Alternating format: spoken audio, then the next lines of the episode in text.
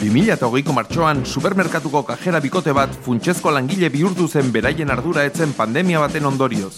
Haien profesionaltasunari eta lan onari esker berehala irabazi zuten planetako kajera onenen titulua.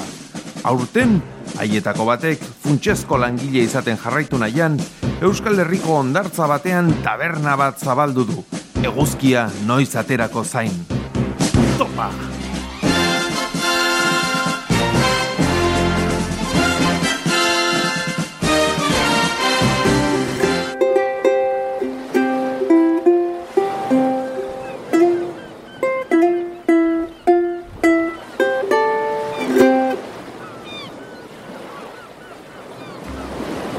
Baina hirugarren hilabetetik aurrera feniletilaminaren isuritzeak gutxituz doa eta horregatik datoz krisiak. Flipatzen ari naiz amaia. Nola dakizuen beste psikologia evoluzionistari buruz? Ah, ba, ez dakit, YouTubeen ikusiko nuen.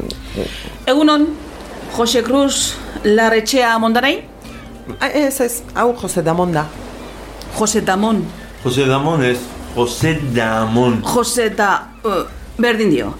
Orduan, zuetzara Jose Cruz Larretxea Amondarain, Ez, Jose Damon. Tazun notzea. inspektorea, Ah, inspetoria. Ah. inspektorea, Inspetoria. inz, Iz. pek, Pet. to, To. re, De. Re. De. Re. De. venga, vale, a, Eh?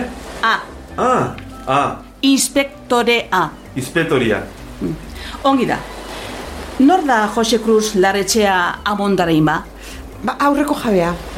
Aspertzeaz, aspertuta hil egin zen. Eta orain ni naiz jabea. Jose Cruz Larretxea Amondarain aspertuta hil egin zen? bueno, ez emakumea, esamolde bada. Ez da esamolde bat. bueno, bale. Ah, Kontua da, ondartza beti lainututa ikusteaz aspertu egin zela, jubilatzea erabaki zuela eta chill out pitch bar hau saldu egin zidala. Txiringito bada. Ah. Orduan, Jose Cruz Larretxea amondarain bizirik dago. Ah, ez, ez, ez, ez, ez, ez. Hil egin zen. Bai, esaldezu esan. E, ja, ja, ba, etzen aspertuta hil. Beste gauza bat izan zen, jubilazioaren paperak egitetik zetorrela burgosko lineako autobus batek harrapatu zuen. Nolatan jubilatu zen Burgosen? E, ez, ez, ez, ez, ez, hemen, hemen herrian bertan izan zen. Jakin daiteke zer egiten zuen Burgoseko lineako autobus batek hemen. Ah, Inork ere ez daki. Agian horregatik harrapatu zuen, etzuelako espero. Ongi da. Orduan, Jose Cruz Larretxea amondarain Burgoseko lineako autobus batek harrapatuta hil zen. Eh, Ez, ez, ez, txorkatila bihurritu besterik ez zuen egin. Nola hil zen ba Jose Cruz Larretxea amondarain?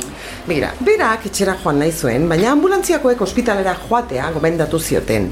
En observazion egoteko, bazpare. Mm. Eta pentsatu zuen. Ez dagoat beste zereginik, jubilatuta nago. Eta ospitalera joan zen. Eguardian bazkaria ekarri zioten, jan egin zuen, eta hil egin zen. Hospitaleko janariagatik? Arrainagatik. Alergikoa zen eta etzekien. A ber, n- Nola liteke? E, barkatu, barkatu. Zenbat urte zituen? Irurogeita lau. Horrek esan nahi du, iruro eta lau urte pasa zituela, arraia probatu ere egin gabe, Ja, ja.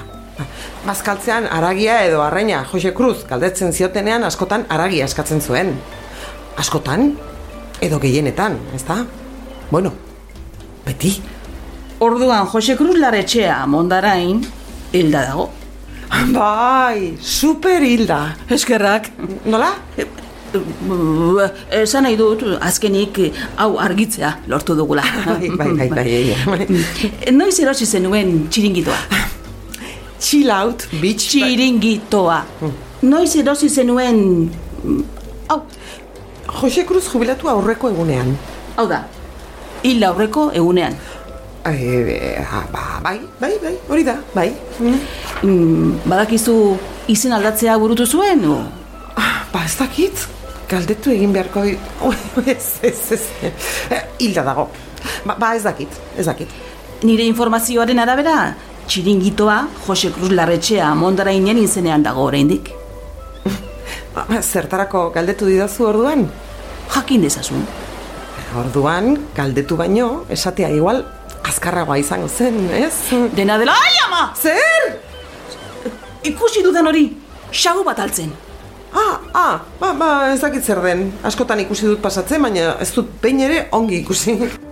Armi arma agian, Amaiari izugarri gustatzen zaio armi armei begiratzea, ez da, baina...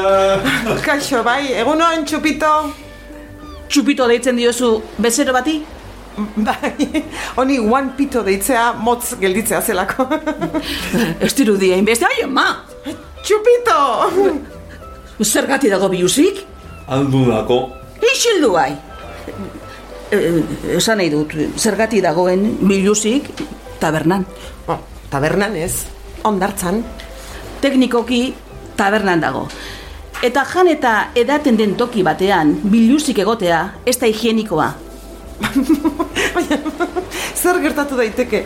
Txupitoaren punta ondarrez betetzea. Ez da higienikoa. Ba, eta ez dentzulako gainera ikusi pasote bat. bai, txino, eskerrik asko, txino, agur, txino, agur. Kaineroa? La gaina gaineroa, tia. Berara aromatikoak nahi. Gaur ez txino, gaur ez agur, txino, agur. Erarte amaia. Zerra gazte, berar pizkat nahi. Sustantzia ilegalak... Begira, xagua! Ah! Txupito bat? Nola txupito bat. Lanean ari naiz eta giratu egin behar dut, mesedez. ez ez uste. Zezatekik! Em, Barkatu. Amen. Lan egiteana, bai, gutxi, baina lanean naizea. Gidatzean oldea, guduak zuedako txea eraman du antxe. Nola? Gudua, Ze? gadabia. Ja, ja, hor, hor ezin da parkatu, toki gutxi dagota, eta, bueno, orduan, txupitoa bai? Topa emakumia. Topa! Topa!